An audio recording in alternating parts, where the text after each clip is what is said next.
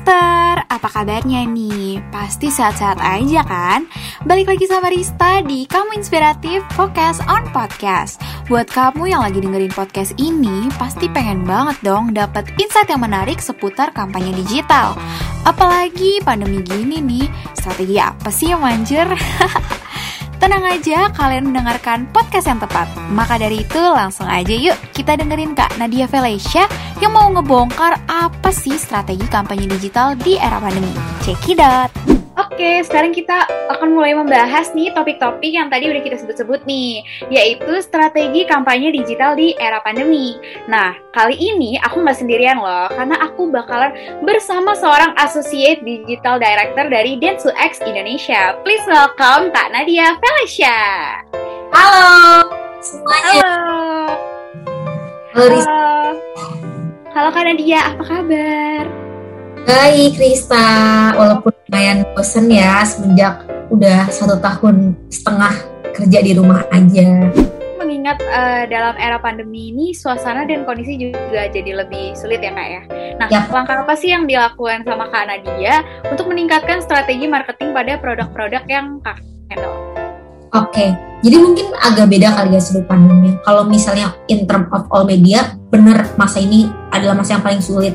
Karena budgetnya mungkin bisa di-cut 50%. Ini kayak kalau 50% itu cuma dari uang 50 juta, ya nggak gede-gede amat ya. Tapi ini tuh dari ratusan miliar budgetnya. Dari ratusan miliar kepotong 50% itu kerasa banget. Secara eh, secara apa ya, secara impact, terus udah gitu secara eh, manajemen dan kawan-kawan tuh pasti kerasa banget. Tapi kalau di digital sebenarnya nggak ada pengurangan, adanya tuh penambahan. Nah caranya adalah gimana? Waktu brand yang konvensional mau memotong budget konvensionalnya, anggaplah ada satu brand itu. Aku sebut namanya brand A. Brand A ini biasanya selalu menggunakan TV. Pandemic ini dia menyadari kalau aduh brand gue secara secara kayak distribution, secara penjualan berkurang nih. Gue potong nih budget medianya 50% nih. Tapi dia biasanya konvensional. Yang harus dilakukan adalah reach out reach out si brandnya terus bilang kayak kamu tuh punya opportunity uh, jualan di digital. Sekarang sam- hampir semua kayak brand-brand itu uh, jualan di e-commerce. Kalau digital tuh ada banyak ya funnel bisa awareness campaign bisa jualan campaign juga bisa.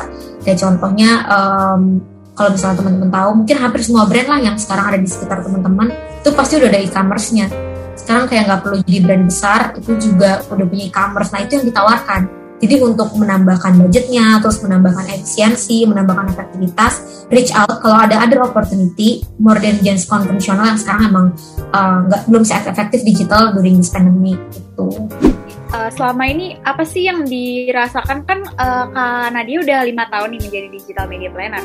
Eh, Hmm. Apa apa perbedaan yang signifikan antara eh, ngehandle produk sebelum pandemi sama pas pandemi ini kak? Bedanya adalah kalau misalnya sebelum pandemi sebenarnya tuh biasa ya ada beberapa brand yang nggak kayak gini ya, tapi secara overall sebelum pandemic itu fokusnya nggak ada digital.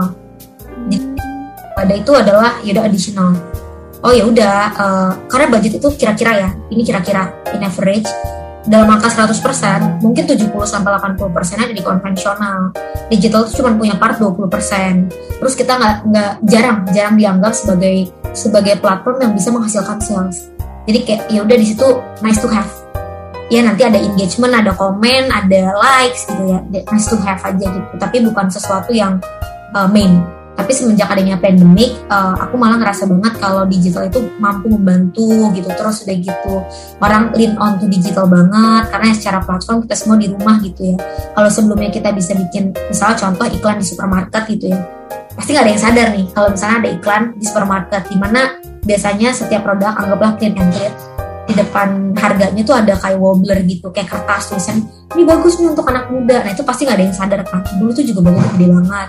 Nah sekarang kayak karena orang juga nggak ke supermarket sekarang orang ke Happy Fresh ke Gomart dan kawan-kawan. Jadi digital tuh jadi uh, lumayan penting itu sih yang aku rasain. Eh, batasan seperti apa sih yang sering kali membuat KL itu jadi kesulitan untuk mencoba inovasi atau ide-ide baru dalam kampanye digital?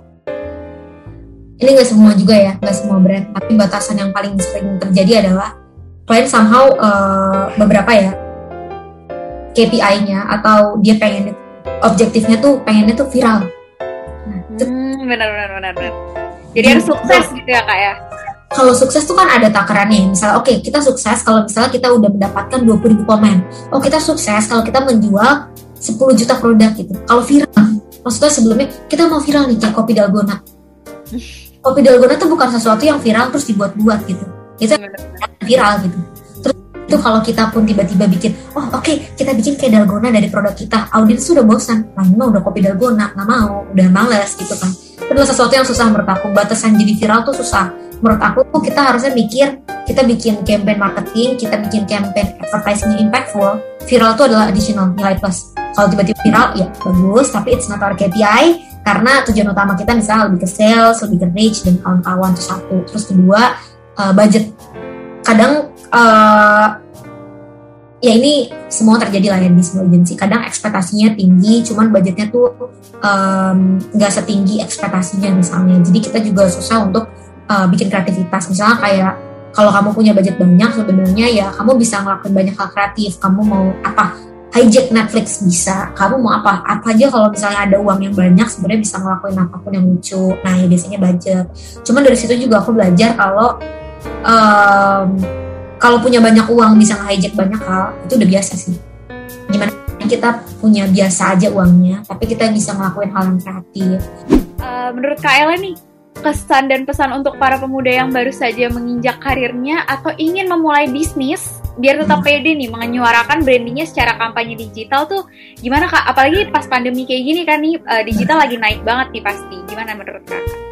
Menurut aku poinnya cuma dua ya, inisiatif sama inovatif. Gak cuma uh, buat uh, yang baru bikin bisnis sekarang atau yang baru-baru mau mulai kerja di marketing. Ini kayak untuk semua event uh, buat aku atau pesan aku juga uh, inovatif dan inisiatif tuh yang paling penting. Kalau kita bisa kadang yang harus ditanyakan adalah kalau kita bisa menawarkan sesuatu hal yang tidak bisa ditawarkan orang lain itu baru hal yang tepat. Kalau nggak sekarang nih misalnya uh, salah satu jasa yang ada dari Densu misalnya atau dari company aku itu bisa menjalankan Facebook, Instagram Ads. Terus sekarang semua orang udah bisa nggak sih aku tanya? kayak agensi lain juga bisa. Kamu juga bisa belajar dari facebook.com.